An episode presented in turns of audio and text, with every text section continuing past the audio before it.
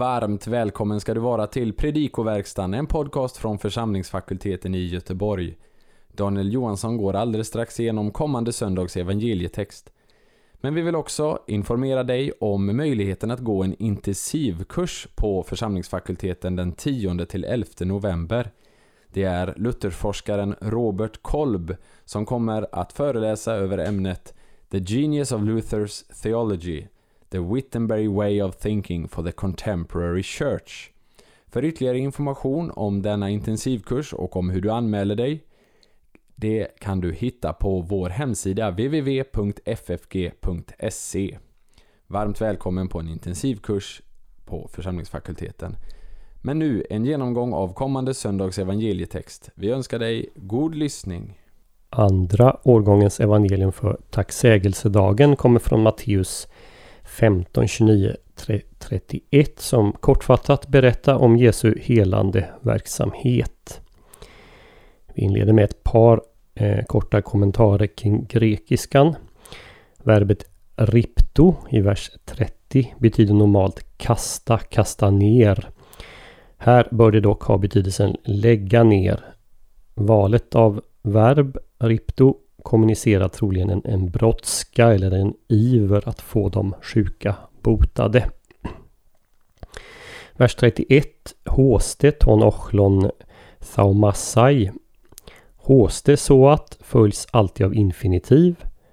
Eh, här är det då eh, thaumassai och subjektet till denna infinitiv står i ackusativ vilket här är ton ochlon. Vi översätter så att folket förundrades. Participet blepontas som sedan följer är antingen kausalt eller temporalt. Så att folket förundrades eftersom de såg eller när de såg. Vi kan också passa på att lägga märke till att ordföljden på sjukdomarna inte är densamma i vers 31 som i vers 30. Och ser man sedan på notapparaten till vers 30 så kan man notera att ordningen i vilken sjukdomarna räknas upp varierar stort mellan handskrifterna. Om jag inte räknat fel här så är det åtminstone nio olika varianter på ordningsföljd som förekommer. Här är det nog helt omöjligt att sluta sig till vilken ordningsföljd som är ursprunglig och det spelar väl inte heller någon större roll. En annan variant i avsnittet bör man också uppmärksamma, nämligen ton ochlon i vers 31 som vi redan kommenterat på. En del viktiga handskrifter har pluralisformen ochlos istället för singularisformen ochlon. Grammatiskt så passar den senare pluralformen bättre därför att det följande participet blepontas faktiskt står i plural. Denna omständighet talar å andra sidan kanske för att en avskrivare har ändrat singulasformen till pluralis för att den ska överensstämma med det följande participet och att singulasformen därför är den ursprungliga. Är den det så har vi vad som brukar kallas en constructio ad sensum. Det vill säga att participet refererar till de många individer som ingår i folket, i gruppen folket som står i singularis. det är inte så ovanligt att det är på det sättet i grekiskan. Det här är tredje gången Matteus berättar att Jesus går upp på ett berg. Eh, tanken går förstås till bergspredikans inledning.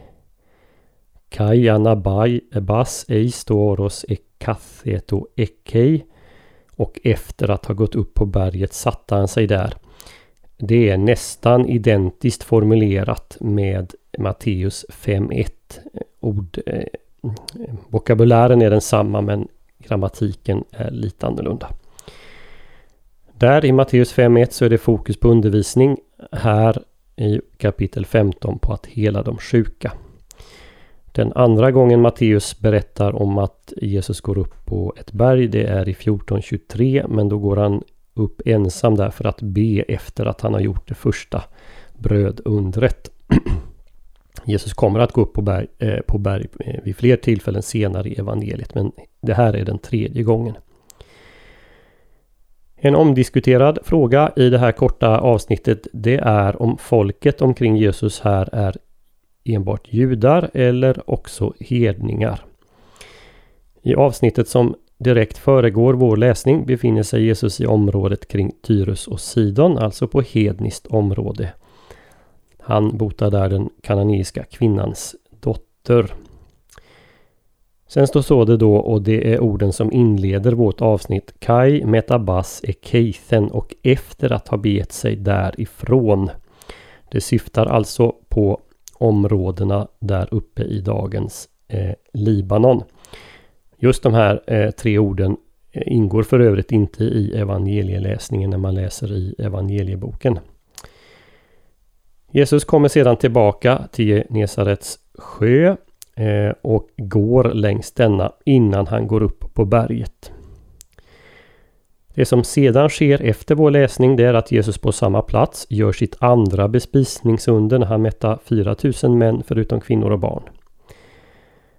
Och det har varit en vanlig uppfattning, åtminstone sedan Augustinus tid, att det andra bespisningsundret tog plats i Dekapolisområdet som ju i huvudsakligen var hedniskt. Vi ska alltså i så fall ha ett bespisningsunder på judiskt område och ett annat på hedniskt så att både judar och hedningar får del eh, av den messianska måltiden. Det finns några geografiska notiser eh, som i till exempel 1539 och även i parallelltexten i Markus eh, som börjar i 731. Eh, men eftersom de här ställena som nämns, eh, eftersom det inte är helt klart var dessa ligger och att det dessutom också finns olika läsarter eh, så är det svårt att sluta sig till något med säkerhet om Jesus är på östra eller västra eller norra sidan om Galileiska sjön. Man skulle som argument för att i huvudsak rör sig om hedningar anföra att folket prisade Israels Gud. Titeln Israels Gud förekommer bara här i Matteusevangeliet. Det är möjligen en indikation på att det är hedningar som prisar Israels Gud. Å andra sidan, i Gamla Testamentet så förekommer eh, den här titeln cirka 200 gånger. Och av dem så används titeln i 95% av fallen av Guds eget folk. Jag har listat några av de här ställena eh, där Gud kallas för Israels Gud i Gamla Testamentet eh, i eh, pdfen till den här podden på FFGs hemsida. Vi kan dela upp vår läsning i tre korta delar. Vi har en inledning på berget i vers 29. Och sedan hur Jesus botar fyra olika slags sjukdomar i vers 30. Och för det tredje hur folket prisar Gud för botandet av fyra slags sjukdomar i vers 31. Efter att ha varit ensam med lärjungarna ett tag, eh, läs det som står i 15.21 Eh, så tar Jesus åter upp sin offentliga verksamhet i vårt avsnitt. Av en notis i vers 32 så förstår vi att folket är samlat hos Jesus under minst tre dagar. Och vid det här tillfället tycks Jesus främst ägna sig åt att hela människor. I Matteus evangeliet så finner vi en lång rad med notiser som i korthet säger att Jesus ägnade sig åt helande. Vi kan, kan, kan kalla dem för helande sammanfattningar. Vi finner den första i Matteus 4, 23-24. Därefter i 8, 16, 9, 35, 11, 5, 12, 15, 14, 14 och 14, 35 36 och så har vi i vårt avsnitt 1530 till 31 och så slutligen i 21.4. Jag har också noterat de här i pdfen till det här avsnittet. Om jag inte räknat helt fel här så är detta den sista vi finner under den offentliga verksamheten innan Jesus kommer till Jerusalem. Eh, Matteus noterar ju att Jesus också i Jerusalems tempel botar människor i 21.14. Den här notisen sticker dock ut på flera sätt, framförallt genom sin detaljerade uppräkning av vilka sjukdomar Jesus botade. Dessutom räknas sjukdomen upp inte mindre än två gånger och vid det andra tillfället nämns också resultatet. Den närmaste parallellen finner vi i Matteus 11.5 som också listar en rad sjukdomar och resultatet av Jesu verksamhet. Listorna är ganska lika men 11.5 eh, är lite mer omfattande. Fast det kan ju noteras att Matteus till de fyra nämnda sjukdomarna stumma, lytta, lama, blinda i vårt avsnitt lägger notisen om att Jesus också botade många andra sjukdomar. Men det är de här fyra som nämns vid namn. Härtill så bör vi notera två viktiga saker. Den första det är att listan väldigt väl sammanfattar de olika individuella helandena som evangelisterna berättar om. Eh, särskilt som kofos kan avse både stumma och döva. Anledningen till att man översätter med stum här det är på grund av resultatet att den stumme talar. Eh, Jag gör gärna en lista över alla Jesu helande i evangelierna så ska du se att de flesta faller i någon av de här fyra kategorierna. Och anledningen till det här är troligen Jesaja 35 och det är den andra viktiga saken här. Evangelisterna, liksom Jesus själv i Matteus 11.5, understryker att hans helande verksamhet är uppfyllelsen av Jesaja 35, verserna 4-6, där det står så här. Se, er Gud är här, han kommer med hämnd, med vedergällning från Gud. Han kommer själv och frälser er. Då ska de blindas ögon öppnas och de dövas öron upplåtas. Den lame ska hoppa som en hjort, den stummes tunga ska jubla. Och man kan också notera ett parallellställe, lite mindre omfattande dock, eh, som finns i Jesaja 29.18. När Johannes döparen eh, frågar om Jesus är den som skulle komma, det gör Johannes i Matteus 11.3, ja då svarar Jesus eh, genom att eh, säga att hans verksamhet är uppfyllelsen av Jesaja 35 och Jesaja 61 för han anspelar på de båda ställena.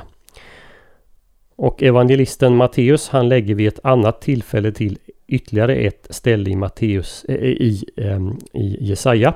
Det gör han i anslutning till Matteus 8.17 Eh, där eh, evangelisten säger att det är uppfyllelsen av Jesaja 53 om att han tog eh, våra sjukdomar på sig. Folket svarar nu på det här som har skett med tacksägelse. Att folket prisar Gud i respons till under. Det är ett genomgående och viktigt tema hos Lukas men det är inte alls lika vanligt hos Matteus.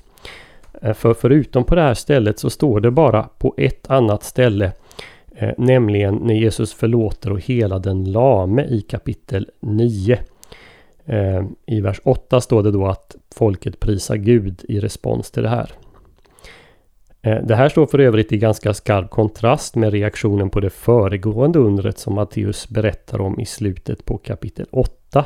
Där står det att folket, då är Jesus på hedniskt område, Eh, de skickar bort Jesus som respons till undret 8.34. Och en sån här otacksamhet, eh, det är något av ett tema hos Matteus. Det möter på flera ställen. Eh, tänk till exempel 11, 20 till 24.